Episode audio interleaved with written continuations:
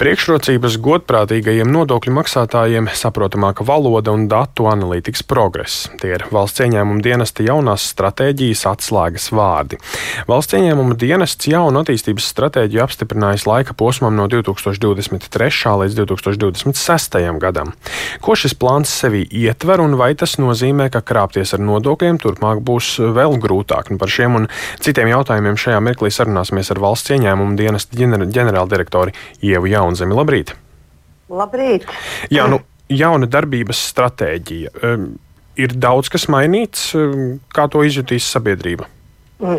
Gribētu teikt, ka šī nav revolucionāra, bet evolucionāra stratēģija, jo balstās uz iepriekš sasniegto. Tas, ko arī jūs minējāt par, par plašāku analītiku un otrprātīgiem nodokļu maksātājiem sniegtiem pakalpojumiem, liecina to, ka mēs pēdējo gadu laikā esam spējuši uzbūvēt tādu analītisko kapacitāti, ka mēs spējam atšķirt, kuri ir godīgie un kuri nav tik godīgi. Un, uh, absolūti svarīgākais šajā stratēģijā ir tas, ka arī paši nodokļu maksātāji tiks informēti par to, kā tad, uh, valsts ieņēmuma dienas viņi redz.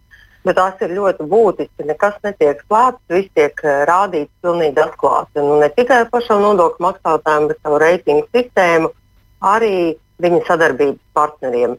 Tādēļ svarīgākais ir tas, ko mēs jau sākām iepriekšējā periodā - atklātība, pilnīga atklātība visās darbībās, lai katrs saprastu, no kā tad veidojas uh, tās attiecības ar valsts pieņēmumu dienestu. Jo es uzskatu, ka uh, grūtākais, ka mums jātiek pāri, ir tiešām šis, ka nevar teikt neko par nodokļu maksātāju, ka viss, uh, ka viss ir noslēpums.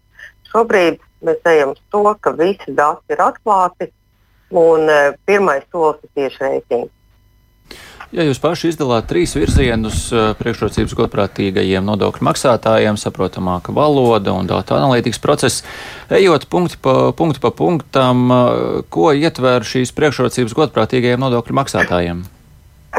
Tātad pirmā un galvenā priekšrocība, ja nodokļu maksātājs ir godprātīgs, viņam e, netiek veikti kontrolas pasākumi, viņš, viņi tikai tiek nodrošināts konsultācijas un nekādā veidā viņš netiek aiz, aizskarts vai kādā veidā uzrunāts. Viņš ir pilns savu uzņēmēju darb, darbību un, un viss tā pašā laikā. Tātad jau šobrīd mums ir tā saucamā e, priekšrocība programma, kur tiks pārstrādāta, kur pakalpojumi tiek sniegti ātrāk, ir pieejams īpašs servis tiem, kur ir uh, godprātīgi nodokļu maksātāji. Tas ir, tie, tas ir galvenās priekšrocības. Bet galvenais ir tas, ka viņiem nav jāsatraucās. Ja viņam būs ārkārtas reitings, viņam būs jāsatraucās, ka viņi varētu kādā veidā skart kontrolas pasākumus. Un tas vienkārši ir sasniedzams jebkuram, esot godīgam un eh, sadarbojoties.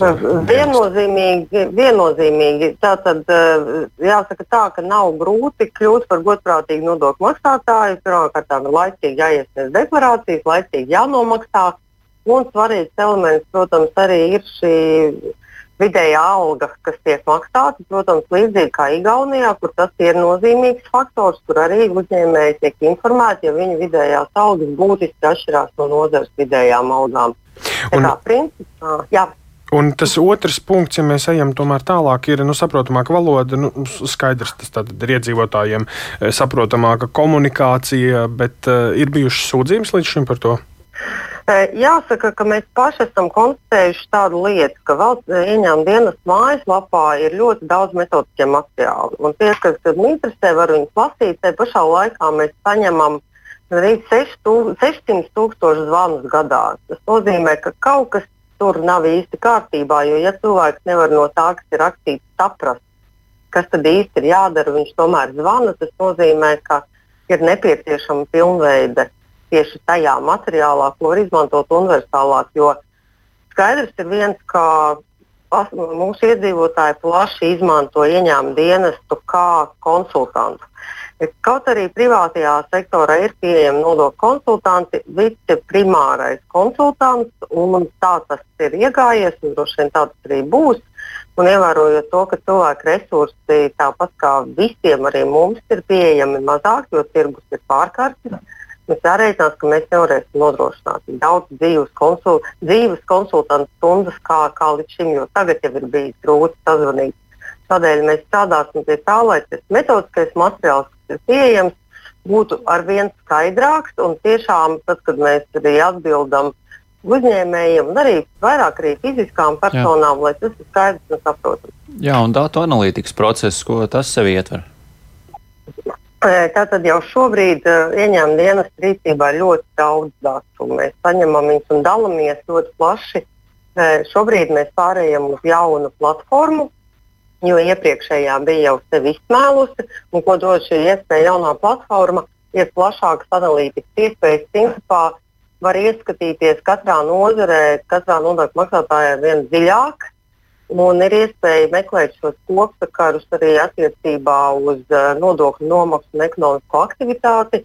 Tas ir faktiski jau, jauno analītikas rīku izmantošana ar vien plašāk. Un, un, ja ir analītika, tad arī ir mazāk jāprasa uzņēmējiem, mazāk ir uh, iespēja piedāvāt vairāk informācijas sociālajiem partneriem un valdībai par to, kas tad notiek kurā nozarē. Jā, nu cerams, ka stratēģija īstenosies un arī būs eh, veiksmīgāks un labāks darbs eh, un sadarbība ar eh, uzņēmējiem. Bet runājot par to, kas ir šī brīža aktuālā situācija par ēnu ekonomiku, vēlos vaicāt, kādi ir tie rādītāji? Varbūt iepriecinoši, vai tomēr aizvien daudz naudas aiziet garām valsts budžeta maksājumiem? Jāsaka tā, ka ir labā un sliktā ziņa, kā jau šobrīd, šobrīd pieejamie augstspunktu pētījumi parāda, ka situācija vismaz nav būtiski pasliktinājusies. Bet, eh, protams, to uzlabojumu nav. Un īpaši, kur mēs to redzam, tie ir darbspēka nodokļi. Un ēnu ekonomika pārsvarā slēpjas eh, tieši aploksņa algu izmaksā. Un šobrīd tiek kopā ar Finanšu ministriju un nu, nozarēm strādāt pie tā, lai samazinātu tieši ēnu ekonomikas daļu, kas ir aploksņa algas. Un nevelti būs šī reitingu sistēma, un viņām būs ļoti būtiska daļa par, at, par atalgojumu.